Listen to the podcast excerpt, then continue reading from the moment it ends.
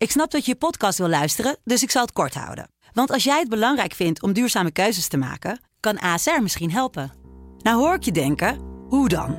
Nou, bijvoorbeeld bij het duurzaam herstellen van schade. Of de premies die we beleggen volgens ons duurzaam beleggingsbeleid. Dat bepaalt waar we wel en juist niet in investeren. Wil je meer weten over welke duurzame keuzes ASR maakt? Ga dan naar asr.nl slash duurzame keuzes. ASR doet het. Zo, dan kan je nu lekker naar je podcast luisteren.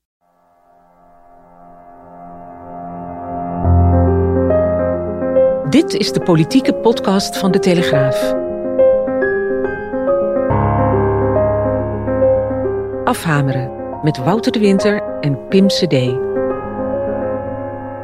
Ja, en zo eh, tellen we af totdat de verkiezingen daadwerkelijk gaan beginnen. Wouter, verkiezingskoorts, neemt die al een beetje toe bij jou of niet? Nee, nee, nee. Ik had gisteren met iemand een gesprek en toen zei ik... het is toch een beetje alsof we naar een heel lang gerekt oudjaar zitten te kijken. Oh ja? Ja, dat je toch denkt, ja, dat oudjaar... Hè, je kent oudjaar? Ik ken oudjaar, ja. Dat is een lange of, avond, eh, ja. 43 meegemaakt, denk ik. Heel goed, ja. Ja. En ehm, nou ja, dan denk je van oké, eh, we hebben oliebollen en champagne en eh, vrienden, familie en dan Joep van het Hek. ja, of een spelletje en dan is het, is het kwart voor tien en dan denk je hmm. Nog twee uur en een kwartier.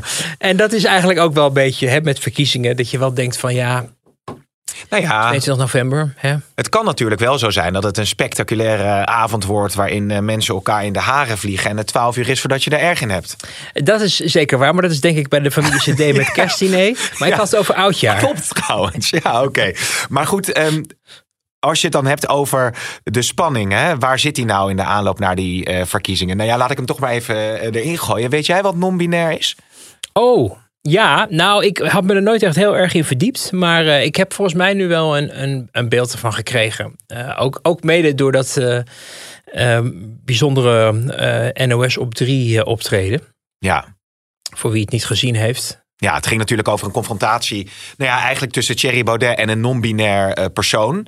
En Rob Jetten zat daarbij. En eh, nou ja, dat werd, het best, dat werd enorm stekelig eigenlijk. Eh, en Baudet zei non-binair. Ja, Ja, die wist eigenlijk niet wat dat was. ja nou of hij Ben je nou man of vrouw? Ja, of speelde die het? Ja. Ja, hij, natuurlijk wist hij wel wat het was. Maar alleen zijn partij gelooft daar niet in. En hij gelooft daar niet in. En hij heeft dus ook voor zijn eh, kiezers op zo'n moment zich te gedragen als dat hij dat dus ook niet weet. Nee. Ehm, waardoor het wat pijnlijk, eh, ik wou zeggen televisie werd, maar het was geen televisie. Het was een YouTube-uitzending waar ook geen einde aan kwam eh, trouwens. Maar dat is een NOS-format om, eh, om heel lang eh, met eh, wat men dan noemt jongeren te praten over politiek. Met twee lijsttrekkers die begrepen wij door loting aan elkaar verbonden zijn. Dus dat levert eh, eh, soms verrassende combinaties Ja. op. Hoewel ik denk eh, D66 niet heel erg ongelukkig was met hoe het uiteindelijk uitpakt. Omdat zij zich konden afzetten tegen Baudet. En we weten uit het verleden dat op het moment dat eh, die tegenpolen, of het nou PVV D66 of FVD D66 is, dat dat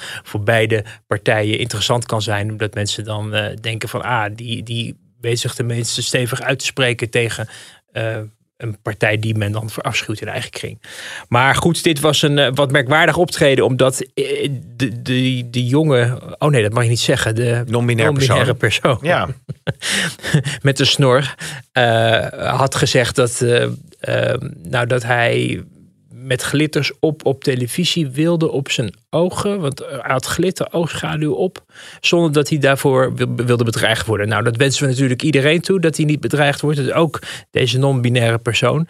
Maar het kwam er allemaal zo hortend en stotend uit. En de presentatrice van de NOS. Die behandelde hem ook als een of andere kleuter. Die, uh, die kennelijk voor het eerste keer eh, een liedje moest zingen. Voor de, voor de, voor de klas. Voor spreekbeurt moest geven. Terwijl als je een beetje googelt op deze persoon, zie je dat hij echt niet zo nerveus is als nou ja, hij een beetje leek te mm -hmm. doen geloven. Maar goed, ja, het, ik vond het allemaal een beetje een circus eigenlijk waar ik naar ja. zat te kijken. En ik had eigenlijk nog het idee, omdat die vraagstelling zo rommelig verliep en die presentatrice zich zo over die non-binaire persoon boog, dat, dat je nog bijna dacht dat, dat Baudet dat je bijna met modern meevoelt, omdat hij dacht dat hij in een toneelstuk uh, terecht was gekomen. Uh, terwijl vervolgens natuurlijk een hele pijnlijke confrontatie uh, kwam. Maar goed, ja, het, het, het, het, circus was in de stad. Dat was een beetje een, mijn gevoel erbij. Ja, en dat had je bij Thierry Baudet ook. Die zat dan donderdagavond bij Marielle Tweebeek in Nieuwsuur. En toen ging het uiteindelijk over die maaltijdboxen van Forum voor Democratie. Die dus eigenlijk ja, pretenderen dat het vanuit de regio komt. Hè, en dat ze boeren ook ondersteunen, lokaal. Ja, en ze hadden dan uitgezocht bij de researchredactie. Dat dat vlees eh, kwam van groothandelaren of het kwam weet ik veel waar vandaan. Maar dus niet van de lokale boer allemaal. Ik vond het wel heel origineel bedacht. Het was heel origineel om, bedacht. Om dat er nou uit te pikken. Ik wist trouwens niet van het bestaan van... Ja, ik heb het eh, voorbij zien komen. Ja. Van, die, uh, van die maaltijden. Ik weet wel dat ze op alle andere manieren proberen hun, hun kiezers of hun achterban geld uh, uit de zak te kloppen. En dit was kennelijk nog een nieuwe markt die ontdekt kan worden. Ja, maar hij zegt daarbij van ja, het is eigenlijk willen wij een soort ja, eigen financiële wereld eh, creëren die dan weer losstaat van het eh, kartel. Dat is nou, eigenlijk ik denk vooral die financiële wereld uh, heel goed uitpakt ook voor de mensen die aan de top van de partij staan. Ja. Nou ja, een klein voorbeeld kan natuurlijk gewoon van het kamersalaris uh, gebeurd zijn. Maar ik zat toevallig in een groot hotel aan de Amstel te, te dineren. Oh. Uh, in juni. En die zat er ook op het terras. Thierry Baudet? Ja. Oh, echt waar? Ja. Dus ik dacht, nou, dat is, dat is mooi. Maar goed, dat, uh, als ik het me kan permitteren, kan hij het zich ook permitteren. Maar ja. uh, ik dacht toch wel van, oh ja, voor al die mensen die zo steeds maar de knip trekken om die partij een beetje een zetje te geven. Dan denk je toch, en die boekjes die er verkocht moeten worden. En nu de maaltijdboxen kennelijk. Ja, het ja. komt in ieder geval uh, goed terecht. Nou ja, goed. Dat allemaal geheel terzijde zeggen we dan uh, altijd. Um, veel uh, te doen is er geweest over jouw interview van afgelopen zaterdag met Pepijn van der Brink, met Caroline van der Plas. Het werd vorige week natuurlijk al geteased hè, in deze podcast ja, van onze beste luisteraars. Op aan, en ja, wist ik veel dat dit zou komen, want ik sloeg echt stijl achterover toen ik dat interview las. Want ja, dat, ja, dat was wel. Dat ging gebeuren. Jij wist dat ik dat zou gaan voelen, ja. Ja. Want het was natuurlijk wel uh, onthutsend. Uh, een ballon die misschien werd doorgeprikt, als je het zo uh, mag samenvatten. Want ze moest heel veel, ja, om antwoorden hulp vragen van Henk. Hè? Henk Vermeer, die ook hoog op de lijst staat bij de BBB. Haar rechterhand is dat ja. eigenlijk. En ja, het was toch wel een beetje pijnlijk. Hoe is dat, hoe is dat verder geland deze week? Nou, ik heb verder van haar niks meer gehoord. En ook van Henk niet. Dus ik uh, doe het maar met uh, de recensie die ze gaf bij de tweet die ik die ochtend stuurde, zaterdagochtend. Om, toen ik zei warm aanbevolen dit interview. En toen ging zij, uh, dat, ging zij het re-xen. Ja. en uh, ging ze schrijven, ja, en het is tenminste een, een, een interview waar niet eindeloos over gesoepbad is ja. en autorisatie en dat soort zaken.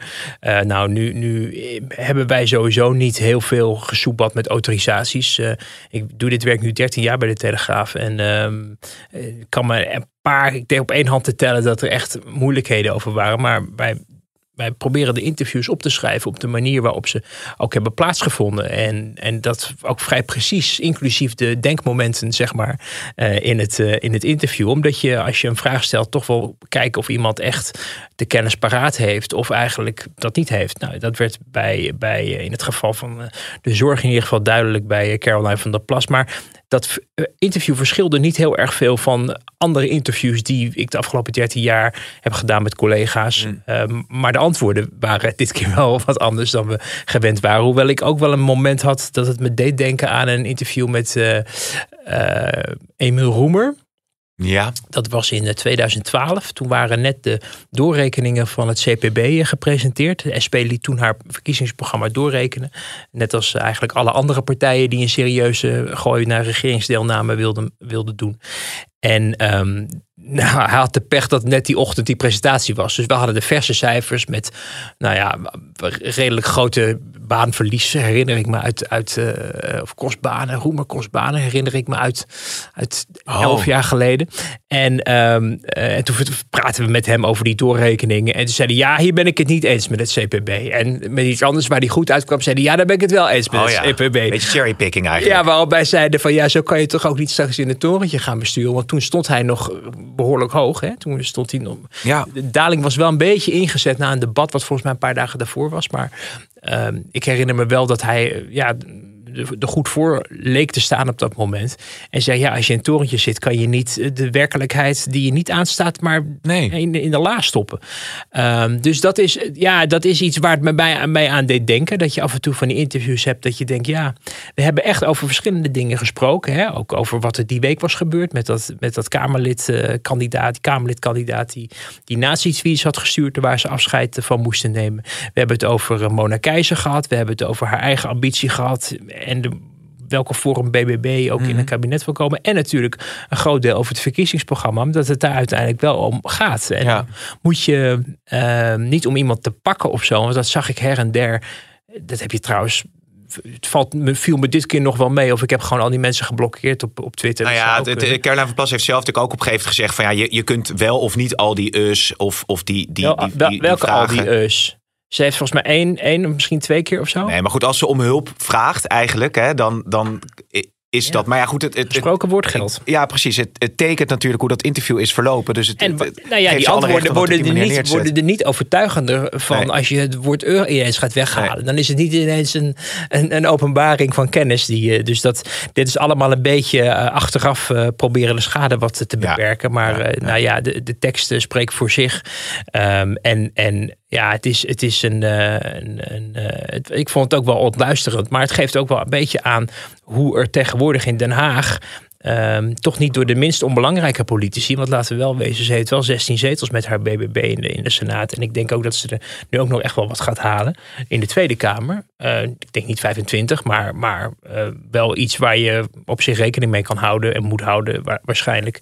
Ehm, dat, ik, dat ik wel vind dat je als je echt serieus wil gaan besturen, dat je dan ook wel iets verder moet kijken dan wat je wensenlijstje is. Hè? Want, want ja, het gaat wel, het gaat niet om, om niks. En dat geldt niet alleen voor haar partij, maar ook een heleboel andere partijen. Want op het moment dat je je de boel niet laat doorrekenen, wat een beetje in de mode is geraakt, dan ont, ontzeg je ook eigenlijk de kiezer de mogelijkheid om te vergelijken wat nou echt te realiseren valt en wat nou uiteindelijk gewoon eh fata morgana is. Hè? Want Van der Plas zegt eigenlijk van ja, je hebt je politieke wensen als eh, partij. Wij hebben die in ons verkiezingsprogramma neergezet. En als dat uiteindelijk in de realiteit na onderhandeling op een bepaalde manier uitpakt, nou dan is dat zo. Maar het is wel onze taak om die wensen, wat wij met Nederland Zeker. willen, Zeker. in ons programma te zetten. Ja, zeker. Nou, je mag allemaal wensen hebben, maar je mag wel ook enig realisme hebben. Hè? En als jij een heel wensenlijstje hebt van drie zorgpunten die al vele miljarden kosten. En er komt eigenlijk niet heel erg duidelijk voor naar voren waar je dan dat van wil betalen. Behalve dan, ja, er kan wel wat bureaucratie in de zorg Ja. eh, eh, eh, geschrapt worden. Alsof dat, ja, de, Wie is daar tegen eigenlijk? ja, het tovermiddel is waardoor morgen de wereld er anders uitziet. Dus dat, dat ligt ook gewoon eh, ingewikkelder. Ehm, en eh, ja, dus ik, ik, ik ben niet eh, heel erg overtuigd eh, van het tegenstribbelen. Nee. Zie jij raakvlakken inderdaad ook echt tussen Roemer en Van der Plas? Want je had het net even over dat interview wat je dus toen hebt eh, gehad. Maar als het gaat over die tanende populariteit. Van der Plas had natuurlijk echt de wind enorm mee.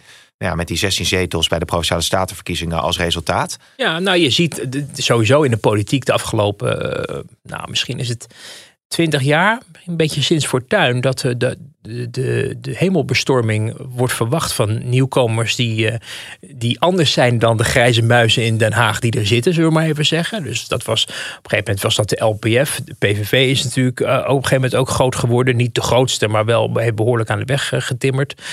Je ziet het met de FVD gebeurde, ge- gebeurd zijn. Ja. Je ziet het met BBB gebeurd zijn. Je ziet het in zekere zin ook een beetje met Kaag en D66 gebeurd. Hè. 24 zetels bij de vorige verkiezingen. Vijf meer dan ze hadden, maar wel echt, echt helemaal toch aan de top van hun kunnen leek het. En er ging een enorme energie vanuit de afgelopen, of de laatste weken, eh, zeg maar, richting de verkiezingen. Nieuw leiderschap, vrouwelijk leiderschap, vrouwelijke premier. Nou, we weten allemaal hoe het is afgelopen. De mensen zijn eh, buitengewoon teleurgesteld geraakt. En eh, ik geloof dat driekwart van de kiezers verdwenen is. Ja, je bent het wel haast vergeten. Hè? Dat is eigenlijk Nee, maar- ongelooflijk hoe snel dat dan Precies, ook gaat. Hè? Die precies. politieke werkelijkheid. Ja. Ja. maar dat geeft dus aan dat, dat, en dat we, en ook als journalist hebben we natuurlijk ook wel eh, de rol om, dat we dat op een gegeven moment elk, elke verkiezing zien gebeuren. Dat we wel dan moeten kijken van, goh, ehm, wat is nu de smaak van de week? En nu is het dan omzicht met NSC. Nou, het zou mij heel goed, eh, zou ik me kunnen voorstellen dat we over een tijdje eh, misschien Ja. wel een paar maanden al gaan zien dat het Nou, niet alles goud was wat er blinkt. Ehm, maar nog even terugkomen op het laatste punt. Want ik, zat, het, ik had het in mijn hoofd. Ehm, weet je wie ook eh, dingen beloofde en die niet waarmaakte? Mark Rutte. Weet je nog, met die duizend euro. Heeft hij Ja. ook vlak voor de verkiezingen Ja. heeft hij dat eh, bij ons in de Telegraaf gezegd. En dat, die belofte heeft hij niet waargemaakt. En daar hebben wij, maar niet alleen wij, een heleboel politieke partijen en ook andere media, hem ook nog jarenlang eh, om, om, om bevraagd en, aangepakt eigenlijk. Ja. Dus het idee van, oh, Caroline van der Plas BBB-besje of FVD-besje of Kaag-besje. Ja. Het, is, het past allemaal eigenlijk in een patroon van dingen beloven die uiteindelijk niet waar kan maken. Nou, en ik zit ook nog. eh, En na dat interview zat ik dan ook na te denken over die stormachtige opkomst van eh, Van der Plas bij de Provinciale Statenverkiezing. Maar volgens mij hebben wij dat ook wel benoemd in deze podcast, uiteraard. Dat toen natuurlijk stikstof een zo'n eh belangrijk punt was in de samenleving. En op dat thema was, was zoveel onrust ook. Dat zij daardoor natuurlijk ook enorm de vaart meekreeg. En het was denk ik ook toen gewoon een, een reëel onderwerp om te bespreken. Ja, stikstof was een beetje de katalysator Ja. van, eh, van, van onvrede in het land. Die ook vaak eh, verschillen tussen eh, het stad en platteland bijvoorbeeld duidelijk maken. Of, of inkomensgroepen, hè, de happy few. Of wat eigenlijk wel een happy a lot zijn, denk ik. Die in Nederland een, eh, een heel aangenaam leven leiden en gelukkig zijn. Dat wijzen de gelukscijfers ook uit. En tegelijkertijd een groep mensen die zich permanent achtergesteld voelt. En niet serieus genomen voelt door de overheid. Of zelfs eh, tegengewerkt en vernietigd door de overheid. Bijvoorbeeld in Groningen, bijvoorbeeld Ja. de toeslagenaffaire. Dus dat kanaliseerde zich eigenlijk in een, in een soort beweging van de beukerin in Den Haag. En dat was op dat moment was Caroline van der Plas daar de vertolker van. Eh, nou ja, ze, heeft, eh, ze doen een heleboel provinciebesturen mee. In de Senaat natuurlijk een, eh, een, eh, groot geworden. Dus die rol is ook nog lang niet uitgespeeld. Ehm, maar we zullen zien dat op het moment dat BBB regeringsverantwoordelijkheid ambieert. Of men dan eh, de oorlogstaal van de afgelopen jaren kan omzetten in, eh, Ja. eh, ja, in resultaten. Ja, ja, heel benieuwd hoe dat gaat aflopen. Als je trouwens nu kijkt naar de vorm van de dag, hè, eh, als het gaat om de lijsttrekkers. Wie, wie, wie vind jij tot nu toe eigenlijk crescendo gaan? Mm, nou ja, ik denk dat er. Ehm, we hadden het net even over D66. Ik denk niet dat hij heel goed gaat in de peilingen. Maar ik denk wel dat hij op zich voor zijn wat vrij gekrompen achterban van D66 doet Rob Jet het volgens mij goed. Een aantal zichtbare optredens waarin hij heel duidelijk kon eh, duidelijk maken wat hij ehm, ehm, ja, belangrijk vindt en waar D66 voor staat. Ik weet niet of het die partij gaat redden. Ik denk het eigenlijk niet. Maar ehm, ik denk niet dat ze ontevreden zijn over deze week. Eh, ook vanwege de ja, opportunities die ineens ontstonden. Bijvoorbeeld die confrontatie eh, met Baudet. Eh, je ziet dat eh, Pieter Omtzigt op zich, de optredens die hij doet, doet hij kalm, rustig en, en eh, met inhoud. Eigenlijk Ja. precies zoals hij zelf wil. Maar de valkuil daarbij is dat hij zo erg aan het cherrypicken is van welke omstandigheid en welke atmosfeer hem wel bevalt. Dat hij daardoor ook geen risico loopt op een, of weinig risico loopt op een uitglijder. Ja. Wat, wat droom is voor een, voor een campagne, maar tegelijkertijd eh, wel blootlegt dat, eh, nou ja, op het moment dat het ingewikkeld kan worden, dat er dan eh, misschien een, een omzicht komt die we nog niet in de campagne hebben gezien. maar mag ik daar meteen op aanhaken? Want wie eh, kan nou onzicht uit balans brengen? Je hebt natuurlijk nu zondag, eh, de luisteraars luisteren deze podcast misschien weer later, maar zondag is dan het RTL, het eerste RTL-verkiezingsdebat met Jezilgus, Timmermans en Omzicht. Ik zat wel te, na te denken van ja, wie kan Omzicht dan uit balans brengen? Ik denk dat, ik denk dat eh, op zich Timmermans dat zou kunnen. Ik denk dat hij er ervaren genoeg voor is en ook partijpolitiek echt wel verschillen zou kunnen benoemen met omzicht. En vooral toch de, de want er wordt nu gezegd van het is een middenpartij en nou ja, prima hoor, maar dan wel rechts van het midden. Want het is toch op een heleboel eh, punten eh, ook echt wel een conservatief geluid wat we zien bij eh, NSC. En nou ja, niet dat daar iets mis mee is, maar het idee van er is een nieuwe progressieve partij opgericht is met uitzondering dan van de focus op bestaanszekerheid. I- i- ja, dat, dat valt wel erg mee. Alleen, ehm, Timmermans die heeft er geen belang bij om omzicht aan te vallen. Omdat hij de enige is die PvdA GroenLinks aan een zetel in een kabinet eh, kan helpen. Ja. Dus het is, en dat is, daarom ben ik ook geen voorstander van die door hen zelf georganiseerde debatten. Bedoel, we hebben het er vorige week even over gehad. Het is eigenlijk toch precies gegaan zoals ik had Ja. verwacht. Namelijk dat je iemand inhuurt die dan zogenaamd helemaal journalistiek onafhankelijk een debat moet gaan leiden. Maar op het moment dat zij Timmermans onderbreekt, toegevlamd krijgt. Mag ik even mijn zin afmaken? Ja. En zij in haar schulpje kroop en het allemaal liet begaan. Ehm, en ehm, deze twee heren waren het eh, heel erg met elkaar eens. En dat vonden ze ook fijn om, eh, om duidelijk te maken. En enkel keertje ging het dan over kernenergie. Oeh, maar het was duidelijk dat de bedoeling was dat het toch vooral eh, geen bloedbad zou worden in, het, in de confrontatie. Ehm, en, en, en dat komt dus omdat Timmermans, ehm, hij moet NSC aan boord hebben. Wil hij überhaupt gaan regeren? Dus dat betekent dat je probeert, hij probeert, dat snap ik partijpolitiek ook wel, ehm, over links te gaan. Dus dan met NSC en ja, hij, pro- charme- hij probeerde ook nog BBB een beetje te verleiden bij het college tour debat. Ja. Ehm, hij zal met D66, eh, de, misschien de Dierenpartij eh, en zelfs het CDA werd eh, in, Nou. in hoge PvdA-kringen op een wederopstanding van beloofd. Alleen maar om het VVD uit, uit te sluiten. Dus ja, dan moet je... een hele bonte coalitie. I hè? know, I know. Maar dan moet je dus wel NSC het hof maken. Ik denk dat het realistischer is, maar dat hebben we volgens mij vorige week ook besproken, dat die drie met elkaar verder moeten, de drie Ja. grote. Ehm, dus dan heb je niet zoveel je meer tegen dingen af te zetten. Maar goed, we zullen zien. Ja. Ehm, maar, maar omdat, dat, omdat hij ehm, op dit moment nog de modus heeft van oké, ik, eh, eh, ik, ik, ik wil nog met die club in zee. Wordt, zijn de handschoenen nog aan. Maar je ziet bij Timmermans dat op het moment dat je een beetje gaat prikken. Eh, dat, hij, dat hij toch uit zijn balans raakt. En toch zijn, zijn, zijn eigen ik. Of zijn, hoe noem je dat ook alweer? Ego? Ja, ja. Nou ja, de, zijn, zijn innerlijke. ehm, ehm, een, een, een, een- wat is het ook weer? Een vos verliest, verliest wel zijn haren, maar Niet niet zijn streken. Ja. Iemand die je toch kan porren en die dan uit zijn, uit zijn, ik wil niet zeggen uit zijn vel springt, maar zich laat verleiden om toch een sneertje te doen. Nou, ik hoop het. Hè? Ja, ja, ik hoop het ook. Maar bijvoorbeeld die ene idiote opmerking aan het begin van, de, van het gesprek, waarin hij zegt: Ja, eh, wij zijn eigenlijk de enige twee partijen die echt voor de inhoud gaan. Ja. Weet je, dat is echt vintage Timmermans gewoon. Het, het, badinerende. Het, het, het- heel raar voor iemand die de hele tijd hele therapeutische sessies voor zichzelf organiseert. Dat hij allemaal zo- eh, zo'n, ja, in die familie allemaal voor een dubbeltje geboren was. En zo graag een kwartje wil, wilde worden. En in de diplomatieke wereld niet voor vol aangezien worden. En wat ga je nou doen als je op een podium staat? Dan ga je andere mensen disqualificeren. Omdat ze allemaal niet zo slim zouden zijn als jij. Ja. Ja, maar, schiet mij maar lek. Maar ik snap het niet. Nee. Overigens komt er een vraag eh, van Oh. eh, Michiel. Het lijkt wel VI. luisteraar, inderdaad. Eh hi Pim. Nou, ik vond het wel aardig. Ik zit ineens te denken, stel Omtzigt wint de verkiezingen en gaat met PvdA en GroenLinks in zee. We hadden het natuurlijk net over. Zou Omtzigt dan Timmermans naar voren kunnen duwen als premier? Ehm, Goeie vraag vond ik dit. Zeker, alles kan. En dat is ook zeker een vraag die gesteld zal moeten worden. Maar ja, Diana Matroos heeft hem geloof ik niet gesteld tijdens het... eh, Maar is serieus, is serieus het- scenario? de circle jerk van eh, afgelopen maandag. Ehm, nee, het is, het is voorstelbaar. Want uh, Omtzigt heeft al aangegeven dat hij...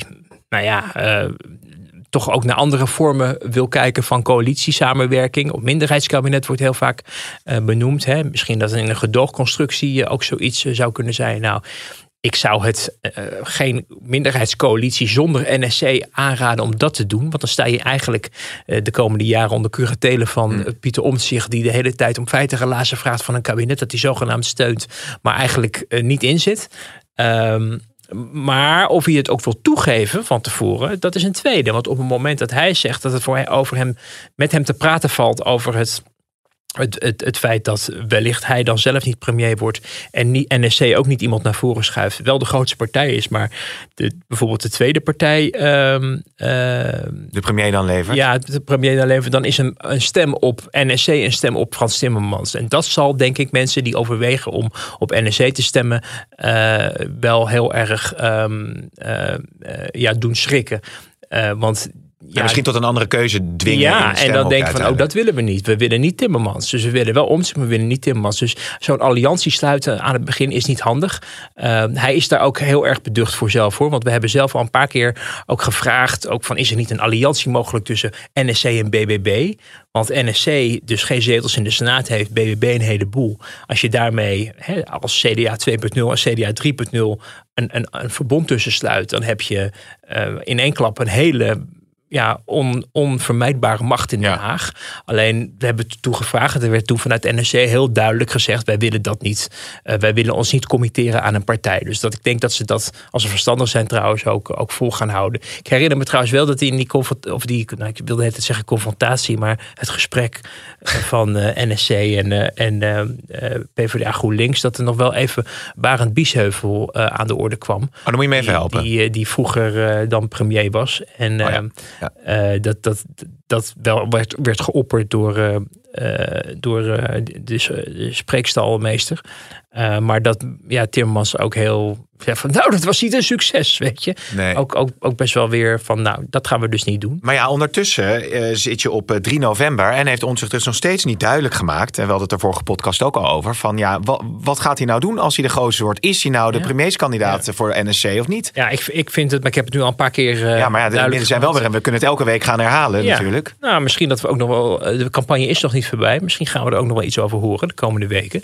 Ja. Sluit ik niet uit. Maar eh, het is wel een van de vragen die op tafel ligt. En zo heeft iedere leider heeft zijn, zijn, zijn, eh, ook zijn, de vragen die beantwoord moeten worden. Eh, en ook zwakke punten. eh, of dingen waar je je van afvraagt van hoe gaat het eigenlijk als die partij het voor het zeggen heeft. We hebben het net over BBB gehad, we hebben NRC gehad. Maar eh, wie we nog niet hadden genoemd is Dylan Jezilkus van de VVD natuurlijk. Die tot nu toe redelijk soepel door de campagne vaart. Zonder heel erg aanwezig te zijn. eh, behalve dan vanuit vanwege uit haar werk. En dat er dus ineens tolken blijken die ehm, eh, aan het spioneren zijn voor Marokko. dat wil je denk ik in de campagne ook niet eh, voor je kiezen krijgen. Maar goed, ze is minister van Justitie. Dus ehm, de- ook daar moet ze dan een reactie op geven. En zie je haar foto ook bij zo'n ja, bizar verhaal natuurlijk staan. Maar voor de rest, dat, dat Somaya Sala verhaal, dat hebben ze de deur uitgegooid. Ja. Hebben ze gewoon eruit gegooid. Wat weet je daarvan eigenlijk eh, achter de schermen? Want je had uiteindelijk die publicaties van Ton en van Dijk in HP De Tijd. En dan ging het over, ook over het al dan niet geld aftroggelen van eh Waarom heet hij eigenlijk. Ton F. van Dijk? Waarom hebben we hem niet gewoon Ton van Ja, zijn artiestennaam denk I ik. know. dat denk Ja, ik dat, ook. ja. Ja, Ja, ja. nou ik- goed. eh. Het is een Pim respectabel... Ja, ja, ja, ja. PMWCD. PM? Pim Maarten Willems CD is het. Hoe? Pim Maarten Willems Maarten CD. En jij? Ik ben Wouter Matthijs. Ja, Matthijs. Wouter M. Oh, ja. Wouter M. de Nou. Winter. Ja. Die ook weer Ja. terug is natuurlijk met een interview met, eh, met Anouk. Maar... eh, die- Oh god, we gaan helemaal van het Ja, we gaan nu echt van pad. Nou, ik ben er wel bij nog hoor. Want het gaat uiteindelijk om het feit dat, eh, dat? Sumaya Sala natuurlijk Oh ja. eruit geknikkerd is bij de VVD. Ja. Aanleiding is dan, eh, als aanleiding is dan ook gebruikt het feit dat Frits Bolkestein haar voor 85.000 euro naar ik meen financieel zou hebben ondersteund. Ja. En er waren dan eh, familieleden van Bolkestein die dat kenbaar hadden gemaakt. Ja, waarna de, dus de knoop is doorgehakt. Ja. Eh, Maar hoe, hoe kijk je daar eigenlijk naar? Nou, ze wilde van die Soumaya Sala wilde ze af. Dat was toch al een, een, een, eh, een steen in de schoen. Dat merkte je ook. Ja. Ze hing ook de hele tijd op een etterende wond. Ja, ze hing op congressen rond. En ehm, ze had natuurlijk een wat, wat ja, merkwaardige rol. Want het was dan eerst een soort denktank groepje waar ze dan in zat. Daar ging ze dan weer uit. Maar toen bleef ze wel lid. En toen bleek ze daar weer heel erg actief over te zijn. Nou, je hebt toen gesproken met Jesielgus. Die eigenlijk het er liever niet over wilde hebben. En ook eigenlijk zei, ja, we zijn een partij en iedereen kan lid worden. Maar dat betekent niet dat je daarmee ook ertoe doet. En een Ja. week later wordt ze eruit Grond, gesmeten. hè? Ja. Eh, dat doet vermoeden dat Jesielkus een week daarvoor nog niet wist dat dit eraan zat te komen. Waardoor de, eh, ja, de, de noodzaak en de snelheid waarmee dit is gegaan wel opvalt. En men in eh, het campagneteam of in de partijtop heeft bedacht... wij moeten eh, dit zo snel mogelijk killen. Want we krijgen dit in de campagne om onze oren. Want reken maar, Wilders maakte er al een nummer van in het vragenuurtje. Heeft zich misschien daarmee ook een beetje mee in de kaart te laten kijken. Want dit had je natuurlijk kunnen bewaren. Totdat je ja. pas haar overvalt met zoiets. En, Ja. ehm, en dan, weet ze, dan stamelt ze in een verkiezingsdebat voor 1,2 miljoen kijkers. Net zoals ze in jouw filmpje Ja. toen jij ermee confronteerde. Ehm, maar goed, het is, ze hebben wel gedacht van we moeten van dit verhaal af. Want dit is ook op een gegeven moment ook niet uit te leggen. Je zag Jort Kelder op televisie verklaren dat hij een hele goede vriendin heeft in haar. Ja. Wat ook wel een verrassing was voor, voor Nederland, denk ik. En ehm, gelijk ook de VVD-voorzitter onder de bus gooide. Omdat hij, vond hij, die Soumaya Sala onder de bus had gegooid.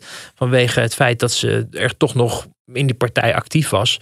En nu dus kennelijk in verband wordt gebracht met het wegsluizen of het ontfutselen van geld van, de, van het erelid Frits Bolkestein.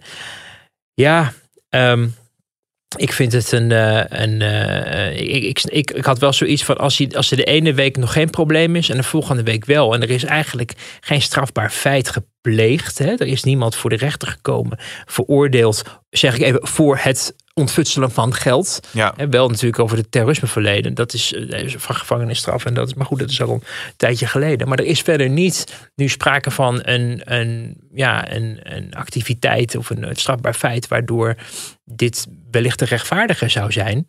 Eh, behalve dan dat het een, een blok aan het been is voor de campagne. Eh, en men kennelijk over informatie, of dat hoop je dan maar voor hen, beschikt dat eh, dingen niet zijn gegaan zoals ze moeten gaan. Maar goed, op het moment dat daar helderheid over komt, zijn we waarschijnlijk alweer na de verkiezingen. Dan hebben ze het in ieder geval voor de verkiezingen kunnen killen. Nou ja, het is wel interessant wat je zegt. Want Wilders heeft nu dan eh, zijn, zijn, zijn kuit niet droog eh, gehouden. Ehm, je had natuurlijk bij, ook was volgens mij ook een RTL-debat, dat je die confrontatie had tussen Kaag en Wilders. Hè, waarbij het echt op scherp ging. En dan ging het geloof ik over het dragen van een, eh, van een hoofddoek bij een bezoek van, van Kaag aan een land in het, eh, in het Midden-Oosten. Ehm, wat zou dan nu de, die confrontatie kunnen opleveren? Zie jij iets waarvan je denkt van, kijk, het kan natuurlijk altijd een verrassingsaanval zijn van een, een van de partijen.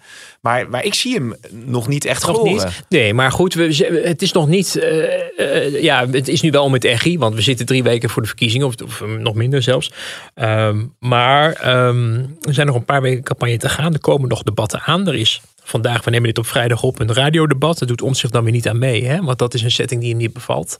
Oh ja. Ja, dat je ook weer denkt, ja, weet je, dat, dat is dan heel. Waarom bevalt het? Is dat te, te- is dat te, te, fragiel of zo? Of te, te kwetsbaar? allemaal te weinig over de inhoud of zo. Ik vond juist vorige keer dat ze dat radiodebat eh, Ja. hadden, vond ik eigenlijk wel, vond ik eigenlijk wel goed.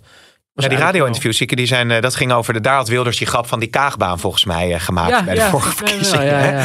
Ze hebben zelfs een, een baan naar u vernoemd, Ja. mevrouw Kaag. Nee, maar, dat, maar, maar ik wist trouwens niet, was dat met Kaag? Maar je hoopt Het in ieder geval. radiodebat was niet met Kaag, volgens mij, Oh, dat de minister. Oké, nee, dat, bij de vorige eh, Oké. landelijke. Nou, ik, ik, zat, ik zat even te denken aan het meeste, dat was in Nieuwsport. En het nieuwe Nieuwsport, dat Ja. zit in mijn hoofd. En dat ik, oh, ik vind het eigenlijk best, best goed gaan.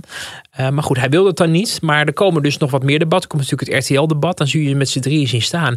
En zul je zien of hoe, hoe, hoe, hoe eh, Timmermans nog aan het hengelen is naar... eh, eh, of aan het lonken naar de steun van, eh van eh, Omzicht. Kijken of ze misschien alle twee eh, proberen Jezielkus aan te vallen. Maar ja, ik, ik zie steeds, ook in de uitingen en ook in het verkiezingsprogramma, zie ik best wel veel aanknopingspunten met de VVD. Bijvoorbeeld op migratie. Ja, voor NSC, ja. Ja, en Ja. Voor, voor, voor de VVD is het, is het heel erg belangrijk om de geloofwaardigheid eh, op migratie te behouden. Als je het kabinet erop laat vallen. Je kan nu niet straks akkoord gaan met een heel slap aftreksel van wat bijvoorbeeld op tafel lag. Je moet eigenlijk nog veel verder gaan. Ik denk dat je daar met omzicht en trouwens ook met BBB en eigenlijk ook met PVV best wel stappen kan zetten. Ja. Eh, dus het zou voor de VVD ongeloofwaardig zijn om dat niet voor elkaar te krijgen. En tegelijkertijd ehm, financiële degelijkheid denk ik dat belangrijk is. Nou, dan zal de VVD ook wel met Eddie van Heijen van, eh, van eh, NSC denk ik uiteindelijk ook wel uit eh, kunnen komen.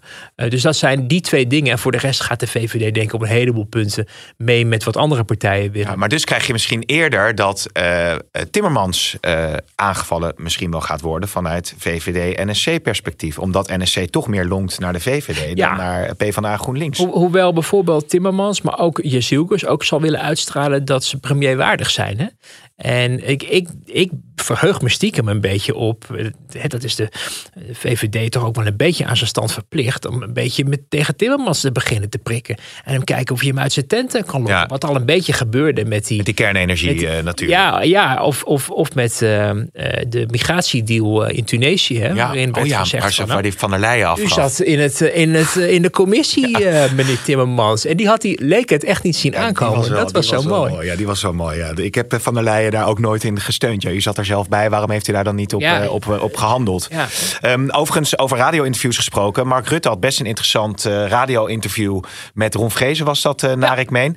Waar- Old soldiers never die, zo zei is het, zo is mij. het. Hij heeft net geloof ik een fietstocht naar Florence gemaakt. Kon ik op Instagram eh, volgen. Maar hij heeft in ieder geval dit mooie interview eh, gedaan. Waarin Rutte zich ook wel wat meer in de kaarten liet kijken over zijn aspiraties voor de toekomst. Want waar het er toch op leek eh, in het verleden dat hij gewoon voor de klas ging staan. Lijkt het dat het secretaris-generaalschap eh, van de NAVO toch wel een hele serieuze optie voor hem is. Ehm, ja, hoe, jij had er een column over geschreven dinsdag. Hoe, hoe duid jij dat? Nou, ehm, je hoort ook verschillende reacties van mensen erop. Hè. De, de, de, de zelfbevlekking op Twitter na, na dat interview, na de publicatie ook.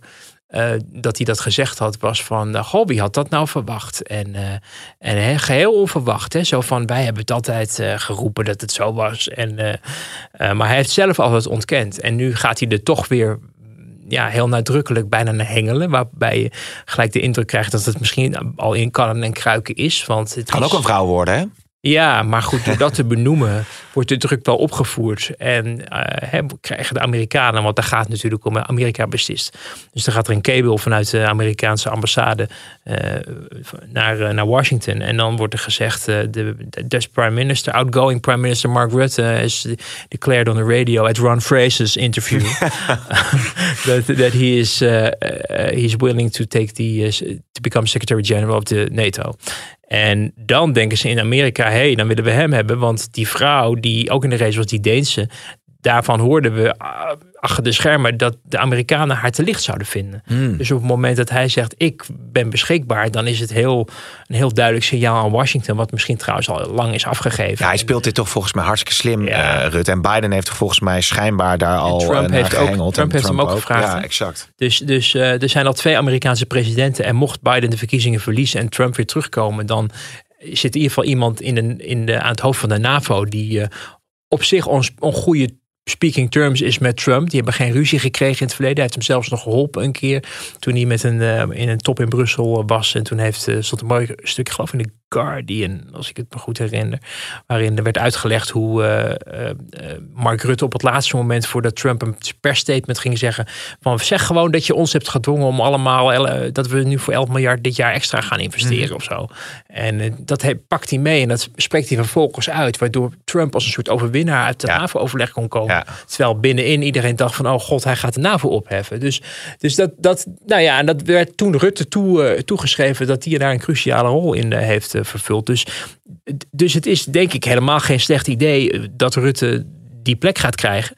Eh, ik hoor daar ook trouwens van links tot rechts, ook vanuit de oppositie, veel eh, ja, aanmoediging en begrip voor dat hij dat zou doen. Ze denken dat, dat, er- dat hij daar geschikt voor zou zijn. Zeker als allemansvriend en met een groot netwerk, et cetera, et cetera. Het is zich ook duidelijk op militaire dingen geprofileerd in de oorlog in Oekraïne de afgelopen tijd.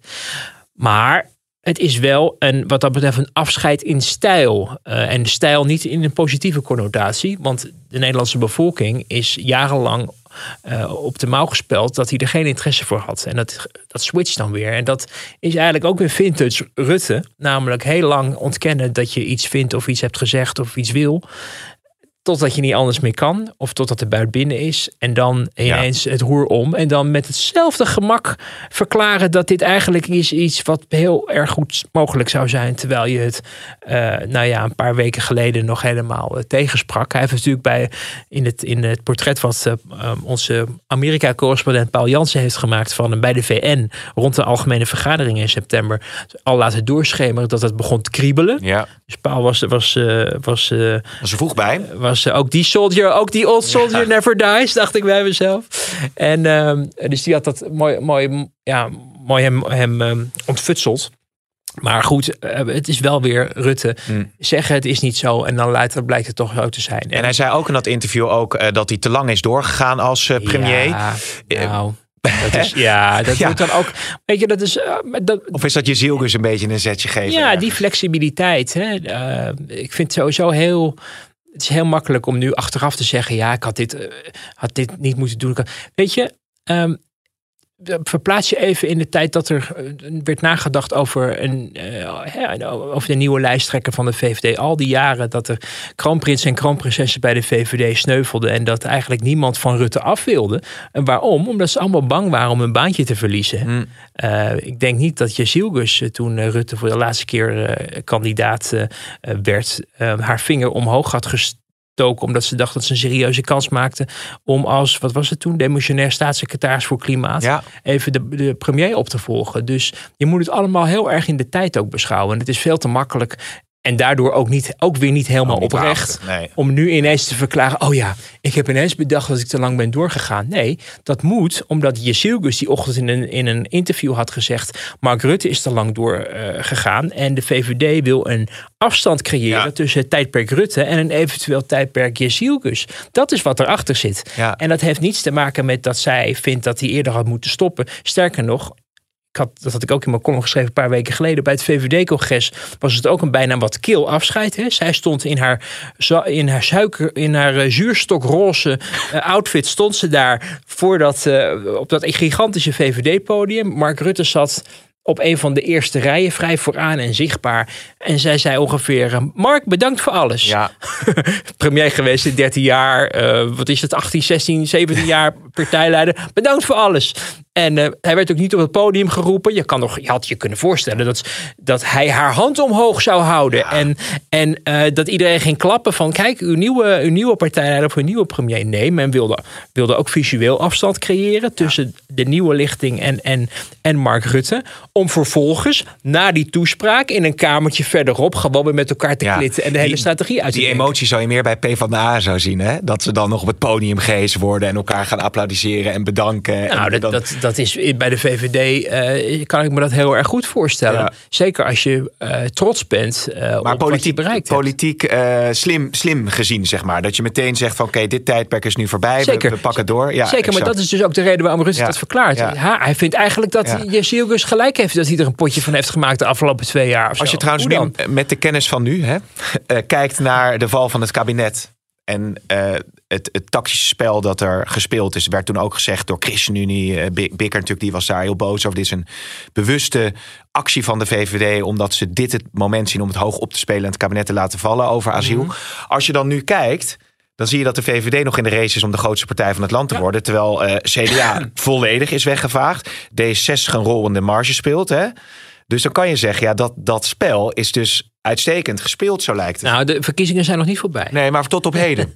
Als de VVD zag je de oppositie terechtkomt, dan weet ik niet of, het, of, Nee. dat, of de strategie heeft gewerkt. Maar, Maar goed, het toe- risico dat als ze langer door waren gegaan... dat ze dan veel meer van hun Ja. eh, potentiëlezetelaantal hadden moeten inleveren. Ja, dus, eh, ik denk dat ze hun zegeningen tellen. Ik denk dat ze helemaal niet, eh, eh, ik- sterker nog, ik weet dat ze helemaal niet ontevreden zijn met, eh, met eh, de resultaten. In een aantal peilingen staan ze ook aan kop. Hè?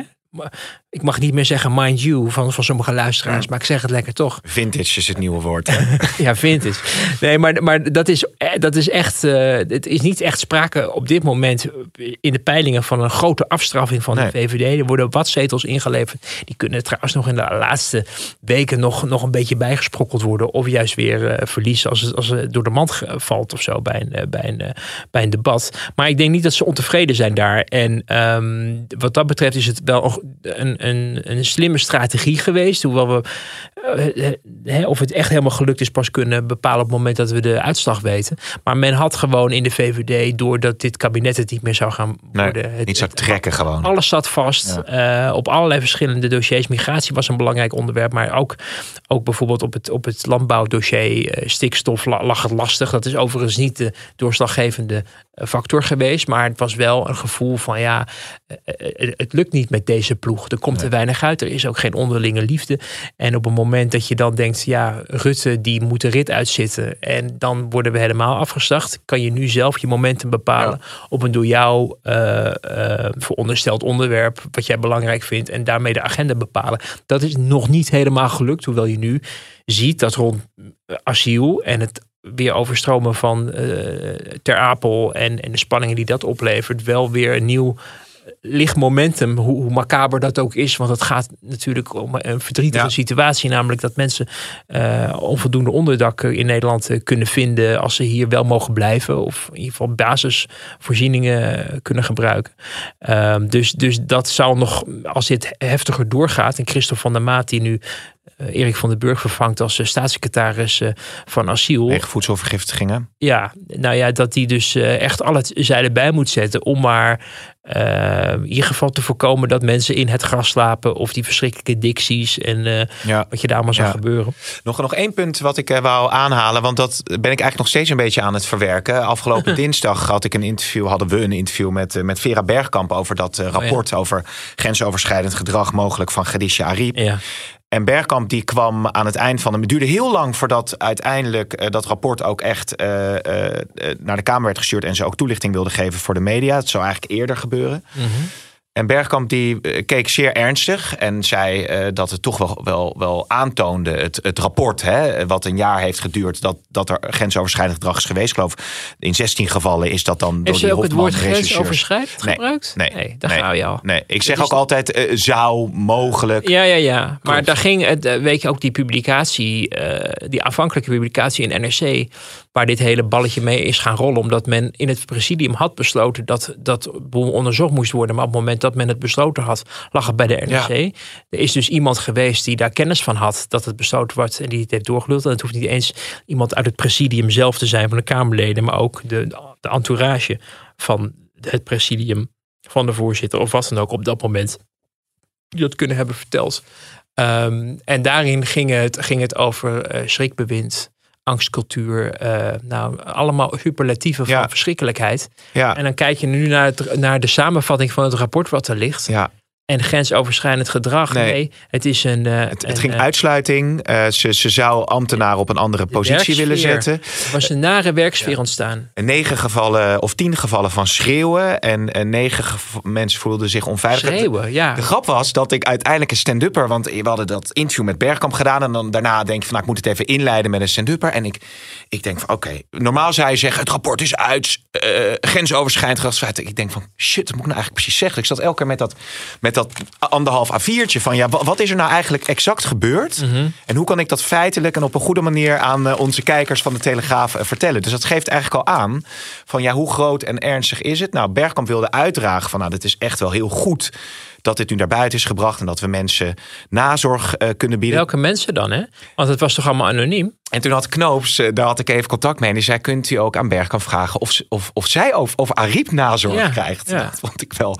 Ja, nee, maar dat is, het, is, het is een. eh, ik bedoel, dat, dat, eh, dat vond ik op zich wel pleiten voor dat Hofman, dat, dat recherchebureau. Hè. Je, kan, je kan zeggen van dat hadden ze nooit mogen onderzoeken. En hè, er zijn ook mensen die zeggen dat ze daar dat ze zich een beetje in die markt aan het profileren zijn, terwijl ze Hmm. daar niet geschikt voor zouden zijn. Nou ja, dat weet ik allemaal niet. Maar wat ik heel bijzonder vond, is dat in, dat, in de samenvatting van het rapport staat dat het toch weliswaar niet bij de, bij de, eh, op, bij de eh, officiële opdracht hoorde. Maar dat het toch wel vermeldenswaardig was dat de 15 mensen die ze gesproken, eh, 15 mensen die ze gesproken hadden, hebben verklaard dat zij een goede voorzitter was die, eh, die ook attent was en, Ja. en meelevende en wat dan ook. Ehm, dat hadden ze hoefden ze niet op te schrijven. Dat hebben ze wel gedaan. En ik, maar misschien is dat journalistieke inlegkunde. Maar ik kijk dan altijd met toch mijn politieke bril van de afgelopen twintig jaar naar zo'n rapport. En dan denk ik, ja, daar zit dus iemand die zo'n rapport te schrijven. En die schrijft dat niet voor niks op. Nee, nee. Die schrijft dat op omdat diegene ook het idee heeft van...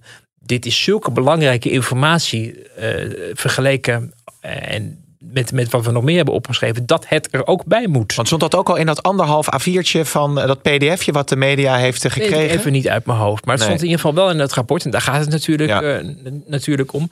En of in de samenvatting van het rapport moet ik zeggen. Want het echte rapport krijgen we niet te zien. Want dat, Nee. dat, dat zitten ze nog over te, te- na te denken. Of Kamerleden dat misschien wel achter de schermen nog kunnen inzien. Maar in ieder geval, het wordt niet gepubliceerd. Omdat dat allemaal te gevoelig zou zijn. Maar het, het, het, weet je, even afpellend. eh, stemverheffing. Ja, Ja. Ehm, eh, rechtstreeks aangesproken. Hm. Ja, het zal je maar gebeuren. Hè? Dat nou, ze zat ook. uit ze- de leidinggevende positie je rechtstreeks aanspreekt. en ze wilde niet mensen op een andere. Via, via, de- via je woordvoerder of je advocaat. Nee. Maar gewoon zegt, goh, misschien had die toespraak iets beter gekund of Ja. zo. Of had je, niet nog een, had je die toespraak niet beter kunnen doen? Of had je die toespraak niet beter kunnen doen? Ja, Weet je, ik bedoel. Ehm, ik vond het ook wel moeilijk om me voor te stellen oh, de, de stemverheffingen van Khadija Ariep, hoe dat dan, eh, Ja. hoe dat dan ging. Ik heb ook een beetje navraag gedaan of iemand eerder, ook in de PvdA-fractie, misschien kennis had van hoe een schreeuwende Khadija Ariep eh, klinkt. Eh, maar hebben ze haar horen schreeuwen? kon ik niet, kon Nee? ik niet bij iemand horen. Zegt, ik, daarmee zeg ik niet dat het niet gebeurd is. Maar ik vraag me wel af in hoeverre, als je zo hoog inzet met zo'n groot onderzoek van een Kamerlid, hè? dus een, een, een presidium dat een onderzoek naar een Kamerlid instelt, eigenlijk, die gekozen is door de Nederlandse bevolking. Ja, wat volgens Knoops ook niet mag, hè? dat is ook een belangrijk punt. Nog een bodemprocedure ja. volgt daarop. ook nog eens iemand die Kamervoorzitter is geweest. Dat is ook een toch ook voor sommigen een, politiek, ja, een, een, een, politieke functie. Als je kijkt naar hoe men massaal probeerde vanuit de coalitie haar van het toneel te krijgen. Um, en werkkampen benoemd te krijgen. Dat is, hebben wij hier natuurlijk al vaker eh, over gesproken. Een pure afrekening geweest, omdat uh, ze geen grip hadden op Ariep. En omdat hij op een gegeven moment die, eh, die stemming over de zorgsalaris in coronatijd heeft laten doorgaan. Waarop uh, Kamerleden van de coalitie probeerden het pand uit te rennen. Zodat er geen quorum stond en de stemming niet doorging. Omdat ze niet voldoende mensen in huis hadden die dat, dat plan van de oppositie konden tegenhouden toen is het zaadje geplant van we moeten van Ariep af. Dus dit, dat is het hele voortraject geweest. Ehm, en dus eigenlijk dan eh, op basis van anonieme brieven, die ook al maanden op de plank lagen, ineens een onderzoek instellen. Uh, alle negatieve imagoschade ook voor Ariep, die zelf ook is opgestapt. Ehm, ja, ik denk niet dat dit de schoonheidsprijs verdient, om het zacht uit te drukken. Nee, alleen kunnen de, de, de, de, de politieke uh, werkelijkheid, uh, zoals dat dan gaat bij zo'n stemming, hè, met dat quorum wat je over had, kan natuurlijk wel iets anders zijn dan een onveilige werksfeer die ambtenaren ervaren als ja, ze gewoon ik, ik, ik zeg, aan het voorbereiden zijn. Ik zeg even wat, wat erachter zat, waarom en waarom Ariep ook een, een politieke afrekening ja. vermoedde. Hè. Ze heeft heel erg de bal op D66 en, en, en, en en Bergkamp heeft het vizier daarop gericht van hier wordt, hier, hier wordt ik kapot gemaakt. Nou, eh, dat hebben we ook niet kunnen verifiëren. Hè. Er is een, een, een, eh, een, bewering door haar gedaan, maar het is niet zo dat we hebben kunnen zien dat Bergkamp um, doelbewust ergens zei van we gaan, haar, we gaan haar kapot maken. Behalve dan dat dat onderzoek is ingesteld. Alleen dat heeft ze dus niet in een eentje gedaan, maar wel met instemming van het hele presidium, inclusief haar eigen partijgenoot Henk Nijboer op dat moment in het presidium. Dus um, nou ja, ik denk dat, dat dit, uh, dat dit uh, Khadija Ariep onevenredig en onnodig beschadigd heeft. Ik vind dat het, het, het, het rapport niet. Um, um, dat rechtvaardigen. Ja, voldoende hard maakt dat dit, dat dit uh, te rechtvaardigen was. Um, en ik denk dat een, nieuwe, een nieuw presidium, een nieuwe voorzitter, uh, in ieder geval iets op moeten tuigen om te voorkomen dat dit nog ooit nog eens kan gebeuren. Zowel voor degene om wie het gaat, maar ook om mensen die zich in een organisatie. Want dat kan natuurlijk gebeuren dat mensen met een verhaal lopen wat ze niet kwijt kunnen. En zich. Uh, uh, want je wil ook niet dat de andere kant op staat. Dat op het moment dat er dingen gebeuren die uh, vanaf, die bijvoorbeeld nu zouden kunnen gebeuren. Dat mensen zich ontmoedigd voelen om iets te melden, omdat ze zien wat van hijsa daarvan komt. Dus dat wordt wel een opdracht voor, het nieuwe, voor de nieuwe Tweede Kamer om, om daar uh, organisatorisch technisch in die Kamerorganisatie verbeteringen aan ja, te brengen. En dat is ook wat Bergkamp zelf overigens ook nog zei in dat interview. Dus wat dat betreft uh, leidt dat misschien wel tot een goed gevolg. Maar uh, zijn ook mensen beschadigd. Jij klapt je laptop Ik klap mijn laptop dicht. Um, vintage. en ik zie jou snel weer. En volgende, volgende week natuurlijk een nieuwe afhameren.